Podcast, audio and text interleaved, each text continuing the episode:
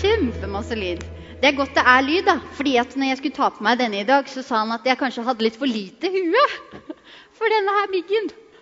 Men eh, det gikk så bra. Hei, alle sammen. Veldig, veldig godt å se dere. I dag som alle søndager. Jeg har gleda meg skikkelig. Og spesielt kanskje til denne 19-gudstjenesten. Fordi jeg har vært så lost hjemme med en baby. Det har vært veldig hyggelig. Men jeg har vært liksom skikkelig på sånn legge baby-modus klokka sju. Eh, I et halvt år. Så det har vært skikkelig, skikkelig, skikkelig fint å komme tilbake hit og se igjen dere. Eh, jeg har gleda meg veldig masse. Fordi jeg ikke kjenner av dere, så heter jeg Kristin Roaldsnes. Jeg er pastor her. Min mann er Halvard, og mitt barn er Amanda. Eh, jeg har vært i permisjon, som jeg sa, eh, og nå er jeg delvis tilbake. Så det er veldig, veldig fint. Um, og så vil jeg si noe om 2020, fordi jeg har bare kjent på at jeg har gleda meg så til dette året. Uh, jeg har så forventninger til hva 2020 kan bety for oss i kirke. Uh, og Det kan liksom høres litt sånn klisjéaktig ut. At vi bare ah, 'Nyttår, nå må vi liksom bare kjøre på, dette kan bli veldig bra, og nå skal vi vokse. Alt det der som man liksom skal si. Men tenk at vi som kirke faktisk kan gå sammen. Vi er et fellesskap. Vi kan vokse som enkeltpersoner og vi kan vokse som kirke. Vi kan gå dypere og videre med Gud sammen og individuelt. Og jeg har så troa på at det kan være et sånt år hvor vi ser tilbake og tenker at 2020 det skjedde faktisk noe. Det ble ikke bare ord. Men da skjedde det faktisk noe. Skal vi være sammen om det? Bra. I dag er tredje søndag i serien 'Smak av himmel', som vi i Filadelfia-kirken har i starten av hvert nye år. Eh, Temaet i år som Eline sa, er fri. Og Vi har da hatt eh, søndager nå som vi har snakka om skyld, og vi har snakka om sår. Og i dag skal vi snakke om skam. Eh, som dere skjønner, så er det liksom tunge temaer. Det kan føles som litt sånn åh, eh, hudløst. Eh, og Derfor så vil jeg bare oppfordre deg som jeg har liksom kjent på sjøl, når jeg har forberedt meg, at vi skal liksom forsøke å være litt hudløse her vi sitter. Eh, vi er i et trygt rom, vi sitter for oss sjøl og på en måte har lov til og sjanse til å bare eh, være litt åpen. Hva Gud er det du vil si? Kanskje det er noe som på en måte går, pirker skikkelig og kan være litt sånn tungt. Eh, men våg å gjøre det, er min oppfordring. Eh, og liksom la det være et liten sånn, eh, verksted, og kanskje Gud vil si noe til deg i dag.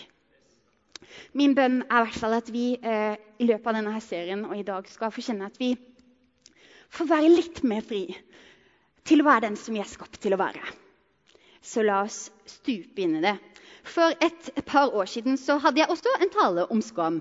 Eh, og siden dette her var liksom ganske kort tid etter at Skam hadde vært liksom big på TV, Eh, så hadde jeg selvfølgelig noen sånne nice eksempler av liksom Nora og William og hele den gjengen. Jeg måtte jo ta det med. Og typ liksom ti sekunder før jeg går opp på scenen, så gjør jeg sånn som jeg pleier. Sonderer litt sånn rommet og får litt sånn feelinga. Og så setter jeg øya rett i Nora fra Skam. Josefine Pettersen. Jeg bare hva i huleste skjedde? Så jeg bare Kristin, nå må du tenke. Skal jeg bare fjerne hele det eksempelet?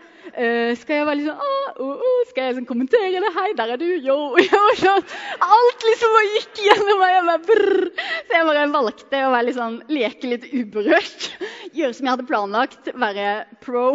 Og det jeg fikk liksom dra til land. Jeg måtte bare ikke se på når jeg snakka om skam.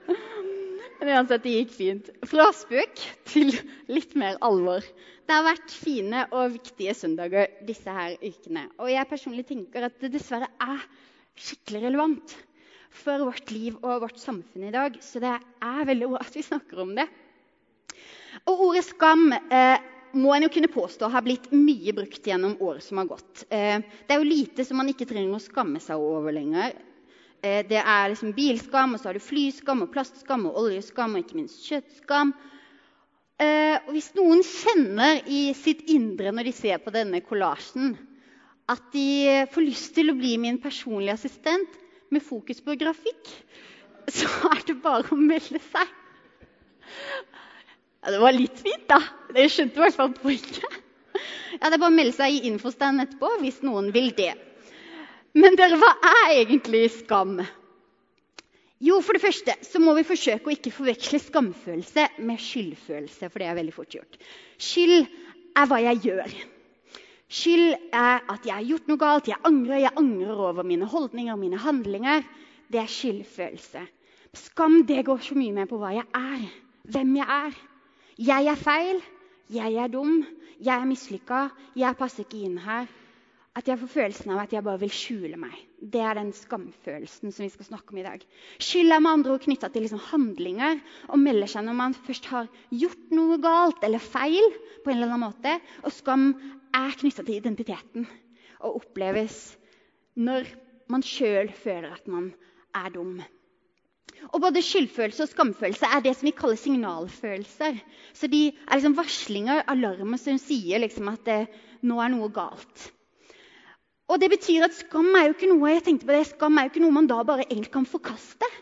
Som liksom, eh, Det skal jeg bare jobbe alt jeg kan for å bare bli kvitt fullstendig. fordi det hadde kanskje vært enklere, men vi trenger noe.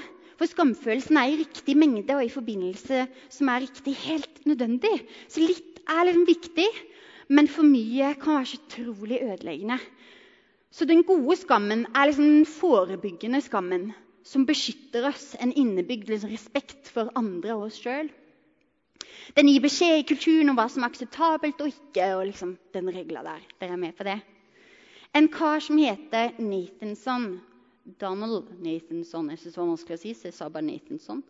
Han har skrevet om det han kaller skammens kompass. Han mener at når skammen da først føles i oss, så vil vi typisk håndtere det med én av fire disse er Tilbaketrekking, angrep mot andre, selvangrep eller unnvikelse. Og Det betyr at hvordan vi håndterer skammen, får superstor betydning for våre relasjoner. Den vil alltid bevege oss da bort fra eller nærmere andre mennesker og oss selv. I vårt hus så hadde vi en regel når vi var helt små, at sakser og kniver de tilhører kjøkkenet. Og hvis du mot formodning skulle ha det et annet sted, så må du spørre om lov. Men som mange andre så fikk jeg en sånn indre trang til å være frisør for en dag. Er det noen andre som kjenner seg igjen i det? Eh, og det hører med til historien da, at eh, hjemmet vårt muligens var liksom litt i overkant korrekt og litt sånn skikkelig. Så hvis du adder det til en litt sånn vel samvittighetsfull fem år gammel sjel, så kjente man det godt på kroppen når man liksom beveget seg ut for det som man egentlig fikk lov til. Men tilbake til denne frisørtilværelsen. Jeg ville jo selvfølgelig ikke frisere meg selv. Så det gikk ene og alene utover min venninne Martine, som ble skamklipt og skulle ta barnehagebilde dagen etter. Og jeg kjenner fortsatt den familien, og det bare bildet henger som en sånn klump i halsen. Jeg bare sorry, it's my fault. Så, men sånn gikk det. Det var ikke så kult. Men tilbake til historien. Jeg lyska meg opp. Later som at jeg er liksom ganske usynlig. Du vet når man kan fantasere. Og så stjal jeg saksa, luska meg ned igjen. Midt i denne klippestasjonen så hører jeg noen i trappene. Og jeg blir så livredd at jeg bare kaster saksa i do. Drar opp, drar opp, drar opp, drar opp. Og det gikk jo ikke. Selvfølgelig gikk ikke det. Men hva var det som skjedde da? Jo, jeg kjente at ah, nå var jeg bare skikkelig, skikkelig dum. Jeg følte liksom at ah, nå har jeg bare så utrolig lyst til å skjule det jeg har gjort, og jeg har lyst til å bare gjemme meg. Jeg har lyst til å dra ned saksa i do. Og jeg har lyst til å bare løpe og gjemme meg under senga mi.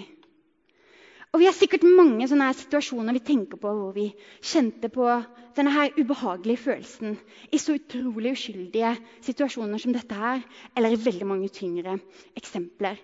Og Vi skal nå se på hva vi ofte gjør med skamfølelsen vår. Hva er denne her menneskelige tendensen i møte med skam? Og så skal vi til slutt også se på hvordan Jesus ber oss møte skammen. Er det good? Bra. Vi finner menneskets møte med skam allerede ved tidenes morgen. I sin uskyld så omgås mennesker med Gud nakne. Her hadde jeg også trengt litt eh, grafikkhjelp.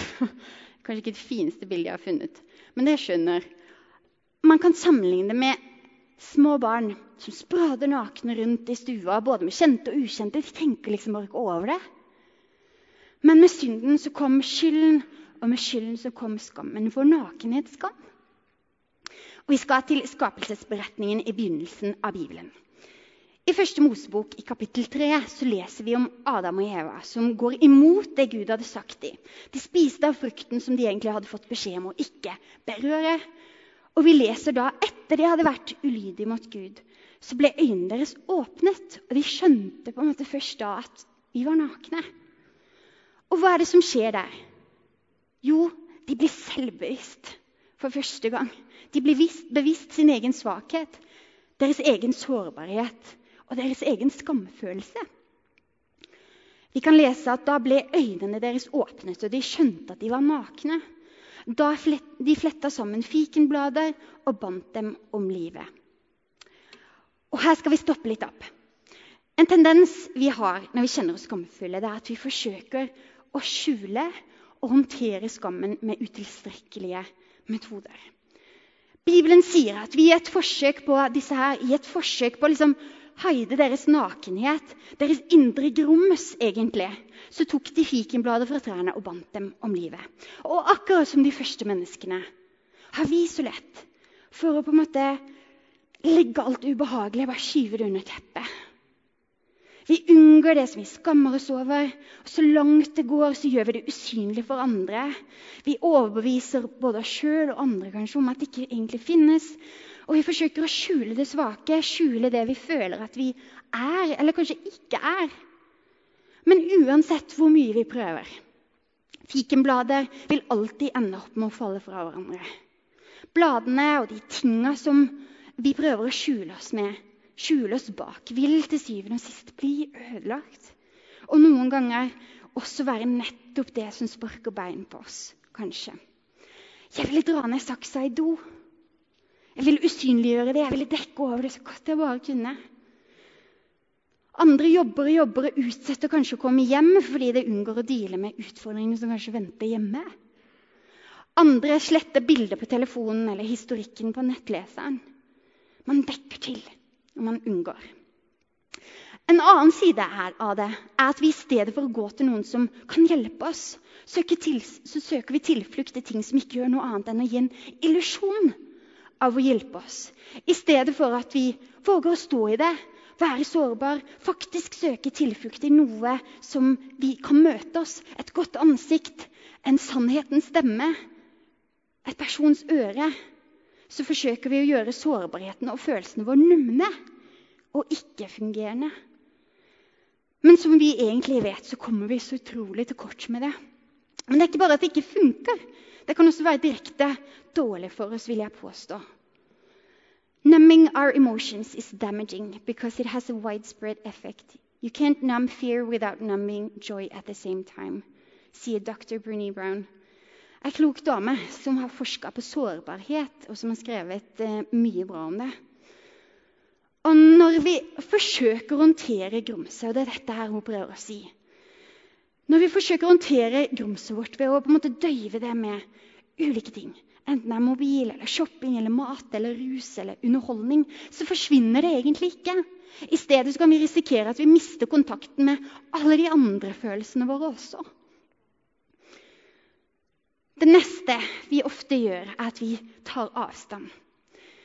Vi leser da hørte de lyden av Herren Gud som vandret omkring i hagen i den svale kveldsprisen. Og mannen og kvinnen gjemte seg for Herren Gud blant trærne i hagen. Men Herren Gud ropte på mannen og sa, 'Hvor er du?' Han svarte, 'Jeg hørte lyden av deg i hagen og ble redd fordi jeg er naken, og jeg gjemte meg.' Det er på samme måte som Adam og Eva tok avstand, gjemte seg fra Gud fordi de skamma seg, så har vi så lett for å ta avstand fra de nære, de fortrolige relasjonene. Eller helt enkelt fra det sosiale lag fordi vi skammer oss. Vi gjør det vi kan for å liksom ikke bli avslørt. Hadde de visst hvordan jeg egentlig er, så ville de egentlig ikke likte meg. Hvis denne sida av meg hadde blitt avslørt, så hadde alt blitt ødelagt. Vi kan tynges av en sånn selvforakt og kanskje en mindreverdighetsfølelse eller andre sånn tunge følelser som tar oss bort fra det vi tilhører, fra det fortrolige og det gode og like kritisk, om ikke mer kritisk, at vi tar avstand fra Gud selv. et kanskje feilaktig bilde av Gud forteller oss at det er ikke lurt å nærme seg. Han er nok egentlig lei av at jeg ikke strekker til. Gud tåler nok ikke min skam. Gud har nok fått nok av meg. Og det fører til at vi holder oss unna, fordi skammen kan skape en sånn intens følelse av at noe er galt med meg, og derfor ikke fortjener kjærlighet og fellesskap. Og isolasjon vil jeg påstå er kanskje det farligste når vi kommer til skam. Fordi det er i isolasjonen at skammens løgner får mulighet til faktisk få grep om oss. For i lyset så klarer de ikke å feste seg. I lyset så klarer de ikke å fortsatt holde sitt grep. Skal du høre noe rart? Og sorry for dette ekle rottebildet. Jeg skal snart ta det bort. Det har blitt gjort et studie på rotter eh, for å se på sammenhengen mellom isolasjon og avhengighet. Og hvorfor rotter, kan man jo spørre seg. Jo, fordi 95% av det menneskelige arvematerialet er identisk med rotter. Så Derfor så blir disse her veldig sånn interessante når det kommer til psykologiske eksperimenter. Og dette Eksperimentet gikk ut på å plassere en rotte i et bur. I dette buret var det festa to vannflasker. En med bare rent vann, og en med vann som var iblanda kokain eller eh, heroin. Og deilig. Resultatene Det jeg skulle si var resultatene, var det samme hver gang. Resultatene var det samme hver gang. Uh, uavhengig av hvilken rotte som var i buret. Hver enkelt ble avhengig av stoffet og drakk blandingen til de døde. Halleluja. Men det er en viktig tilleggsopplysning her. Rottene var alene i buret. Så hva var det som ville skje da, hvis det var rotter som kom sammen i dette her buret? Og Det ble da det neste trinnet i dette her eksperimentet. Forskerne, forskerne oppretta en rottepark Eh, I den var det mat og spennende leker med ulike farger. Alt man trengte for å ha det bra. Jeg synes det hørtes hyggelig ut. Ja. Og Resultatene var veldig interessante. Mange rotter drakk ikke av vannet i det hele tatt. Av dette med det dårlige, med det narkotiske stoffet i. Drakk ikke i det hele tatt. Og så syns jeg det var gøy det de skrev. Og de som drakk av det, begrensa seg. så det var liksom totalavhold eller måtehold der, altså. Så mens alle rottene i isolasjonseksperimentet døde av en overdose, så ble faktisk ikke gruppa i den hyggelige rotteparken eh, avhengig i det hele tatt. Og jeg synes det er superinteressant. For hva konkluderer da disse her forskerne med? Jo, én ting var tydelig. At de isolerte rottene med et dårlig miljø og mangel på stimuli, altså gode folk rundt seg, hadde større sjanse for å bli avhengig. Og Som en konsekvens så henga de seg da til dopet på tross av at det var destruktivt. Og Det samme kan man da også si om mennesker, har disse her funnet ut. Når vi isolerer oss fra andre, enten det er frivillig eller ei, så produserer hjernen vår et stoff som heter myelin.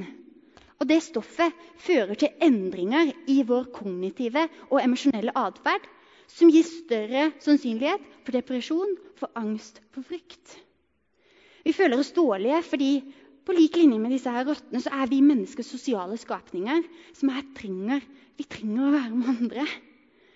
Og Jeg syns dette er superinteressant. Jeg håper du også syns det. Selv om jeg graver meg inn i rottestudier sånn til daglig. Det jeg prøver å si her, da, det er skamfølelse kan gjøre det så fristende for oss å isolere oss. Men det kan være så vanvittig destruktivt å rømme fra mennesker og fra Gud. Og Dette er langt ifra et tema som det finnes liksom enkle svar på. Ikke i det hele tatt. Veldig lite kjappe løsninger. Men jeg tror Bibelen sier noe om disse tinga som jeg har lyst til å være frimodig på. At den gir noen svar og løsninger som over tid kan gjøre noe med oss. Og kan være med å lege sår, forebygge vår følelse av skam. Bra. Så jeg vil nå til slutt gå litt inn i disse her tinga. Tre ting som Bibelen sier noe om. Det første er Guds ubetinga kjærlighet. Og det kan være så utrolig eh, klisjé. Det kan være så klisjé det bare vil. Men vet du hva? Et møte med Guds kjærlighet som er uten en eneste betingelse, kan frigjøre oss fra skammens grep om oss. Jeg tror at det åpner seg for mennesker som ble feil, en som ikke tar deg godt imot. Det vil kunne legge stein til byrden av skam. Men når vi åpner oss opp for noen som tar oss imot som vi er, selv om vi har masse bagasje, selv om vi har masse greier med oss, så ser vi at vi fortjener da, når de tar imot oss likevel, så ser vi at vi fortjener å bli ønska og elska likevel. Skammen sier til oss hva vil de tenke om meg hvis, ut, hvis, de finner ut av dette? Mens Gud sier, 'Jeg elsker deg uansett hva du nå i huleste har gjort eller ikke gjort.' Og jeg liker deg. Det var revolusjonerende for min, for min del. når Jeg tenkte sånn, jeg har hørt alltid at han elsker meg. Men han liker meg, søren! Det er så fint å tenke på at han bare liker deg. Uansett hva du føler at du har med deg. Det er ingenting du kan gjøre for at han skal elske deg mer eller mindre. Og det er så sjukt. Der skammen brytes når vi ser at den blir møtt med forståelse, med aksept, med kjærlighet hos en annen person som vi egentlig frykta skulle se ned på oss når vi delte det. Og Bibelen er klokkeklar på at vi mottar Guds nåde. Ikke pga. våre gjerninger, men betingelsesløst. Fordi Gud er betingelsesløs i sin kjærlighet mot oss. Og Det er dette Paulus snakker om i Efeserne 2, som vi skal lese. For en nåde er dere frelst ved tro. Det er ikke deres eget verk, men Guds gave. Det hviler ikke på gjerninger for at ingen skal skryte av seg selv. Nettopp fordi Gud ønska fellesskap med oss, uavhengig av hva vi hadde gjort eller ikke gjort, så kan vi være trygge på at han elsker oss og ønsker oss uansett. Det er vakkert. I møte med gode foreldre og besteforeldre, og her vil jeg poengtere gode foreldre og besteforeldre, aner vi noe av denne her dynamikken og tryggheten til å være oss sjøl og til å være elska som vi er. Gud identifiserer seg nemlig som en god far og en god mor mange ganger gjennom Bibelen. Og hva er det som er mest liksom, ment å kjennetegne denne her relasjonen? Jo, at vi kan være drittsekker og at det ikke gjør noe. At vi kan bare dele våre største svakheter og nederlag. Men på en eller annen måte så er jeg liksom stolt av oss likevel. Og nå er det ikke sånn at foreldre er uten feil. Langt, langt ifra. Og vi har nok alle av oss en erfaring av at vi ikke har opplevd oss møtt på den måten vi egentlig kunne ønske, og at ting virkelig kan være vanskelig i større eller mindre grad. Men likevel så velger Gud å presentere seg for oss som den ultimate far. Fordi Gud er kjærlighet og dermed opphavet til denne betingelsesløse kjærligheten som vi kan gjenkjenne i våre foreldre, i gode foreldre. Men jeg er overbevist om at for, dette forutsetter noe. Noe som vi kanskje ikke er like glad i, nemlig sårbarhet. At vi faktisk våger å stille oss frem uten masker. Uten noe greier som vi har lyst til å dekke oss til med. Uten fikenblader. Uten dette som vi har lyst til å gjemme oss bak. Og Guds ord inviterer oss til dette og sier, la oss derfor frimodig tre frem for nådens trone, så vi kan finne barmhjertighet og finne nåde som gir hjelp i rett tid. Det andre Bibelen snakker om, som jeg vil berøre, er å rette fokuset utover. Skammen i sin natur ser innover mot seg selv hele tida. Strekker jeg til? Er jeg god nok? Er jeg smart nok? Passer jeg inn her? Og i vår tid så vil jeg egentlig påstå Det høres litt sånn ah, dårlig ut, men jeg vil påstå at selvbevisstheten vår er skyhøy. Vi har liksom det veldig høyt oppe at vi tenker ah, veldig mye dreier seg om meg og mitt. Hvordan kan jeg lykkes, og hvordan egentlig kan omgivelsene og systemene rundt meg tjene inn under at jeg kan komme frem? Og Når fokuset er så utrolig orientert rundt oss sjøl, hos mange, så forsterkes ikke for det forsterkes følelsene våre fordi vi ser så innover. Men forsterkes ikke bare de gode følelsene, men også de vonde. Som utilstrekkelighet, utenforskap, bekymring. Alle de også forsterkes. Og dette er helt reelle følelser som er viktig, viktig, viktig å ta på alvor. Men for at de ikke skal vokse seg ut av sine proporsjoner, så ber Gud oss om å løfte blikket på andre. Løfte blikket litt utover oss sjøl. En av mine helter er Peter Haldorf, og han snakker ofte om selvforglemmelsens vei. Han ser smart ut, og han er det òg. Han sier selvforglemmelse må ikke forveksles med selvutslettelse. Altså, Det handler om at man står på et sted hvor man er fri til å se utover seg selv. Hvor man er fri til å glemme seg sjøl litt, fordi jeg står på et godt sted sjøl. Han sier også selvforglemmelse utvider hjertet. Jesus lærer oss det er saligere å gi enn å få. Og Det deilige resultatet av dette er at det blir så mye mindre farlig hvordan jeg tar meg ut i dette her. For skamfølelsen får liksom da ikke så lett grep om meg. Spørsmål om man da strekker til og passer inn. Og det blir liksom ikke like altoppslukende og overskyggende lenger. Fordi et annet spørsmål blir så mye større. Hvordan kan jeg se menneskene rundt meg? Hvordan kan jeg være med og løfte andre rundt meg? Og det er befriende når man får kjenne på det.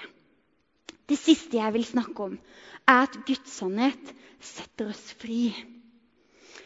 Jesus sier i Johannes at sannheten skal sette dere fri. Og er det én ting skammen gjør, så er det å fortelle løgner. Og når disse her løgnene aldri blir motsagt, så vokser de seg bare større og større. Og større. Og de får lov til å definere oss masse.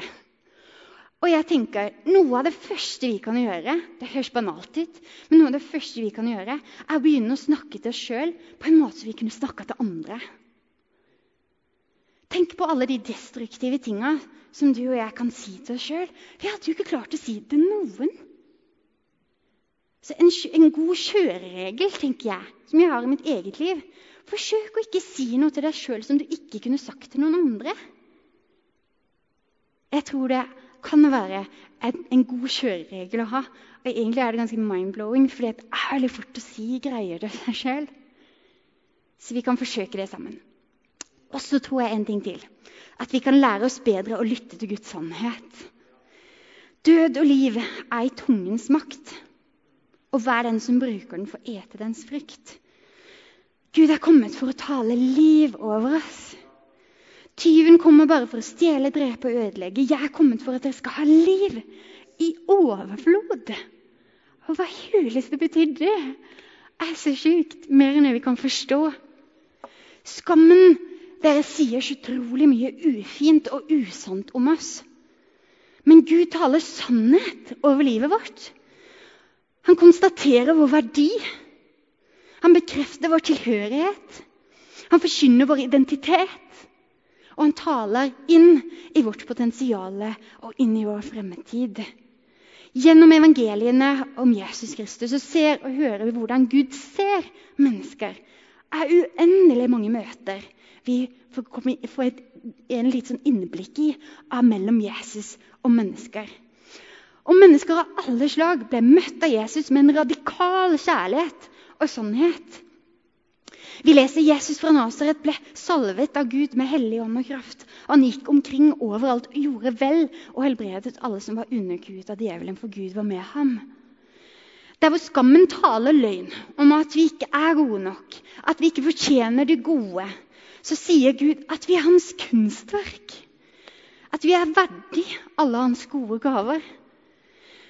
Når vi blir møtt med Guds sannhet, så avsløres løgnene, og vi blir frigjort fra det som vi trodde ikke tålte lyset.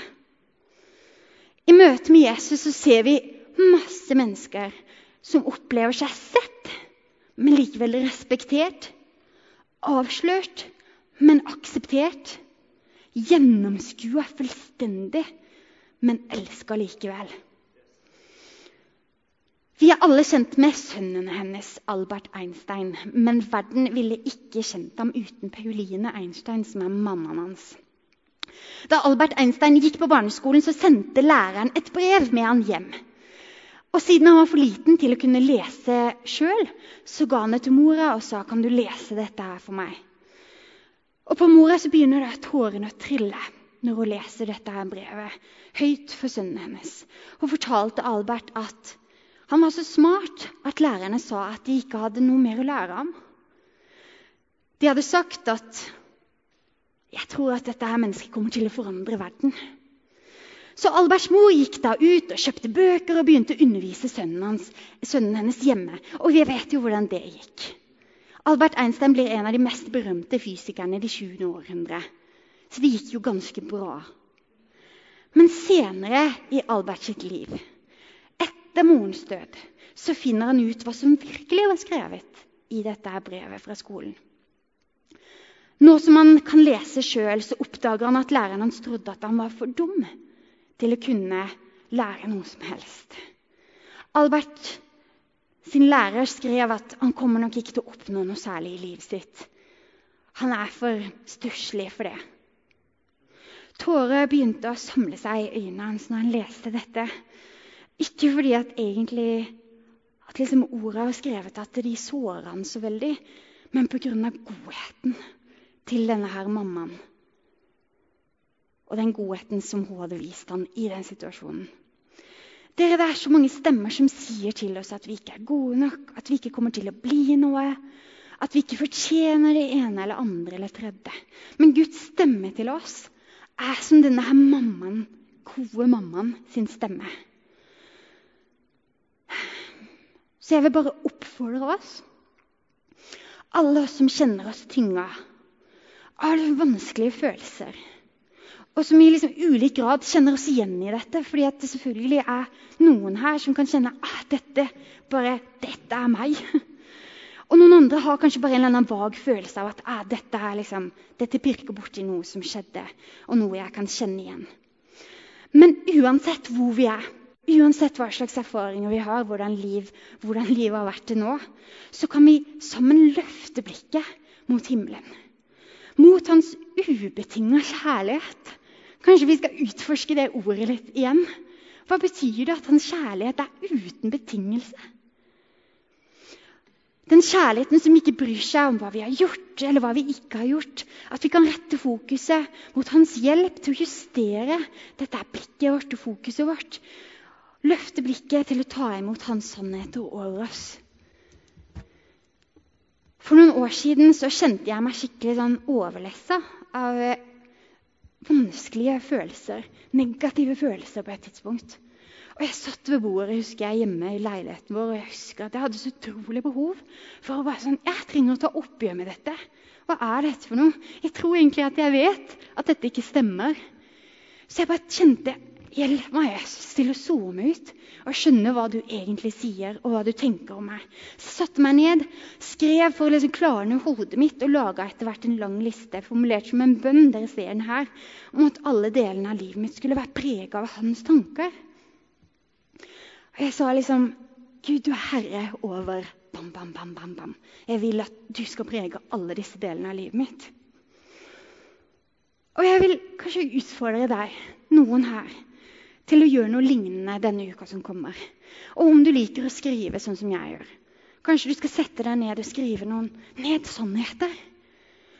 Sannheter som du har blitt sagt til deg av mennesker eller av Gud, enten tidligere, som du bare vet at stemmer, som han sier til deg nå. Eller når du våkner, hvis du ikke er sånn skriveperson. Bare når du våkner om morgenen, forsøk noen dager nå. Bare forsøk det. Tale ut Guds sannheter over livet ditt når du står opp om morgenen. Bare Hei, det er dette jeg er. Selv om du kanskje ikke er liksom der at øyet er på randen og må bare gjøre noe. Men bare forsøk. Jeg tror det har en effekt. Så kan disse sannhetene, for det er sånn kraftig sannhet, og din bønn om å bli prega av Gud, bringe inn lys i disse vonde tankene, så de kan få hjelp til å slippe taket. Og ta med deg disse ordene til slutt. Så la oss legge av alt som tynger og synden som så lett fanger oss inn. Og med utholdenhet fullføre det løpet som ligger foran oss.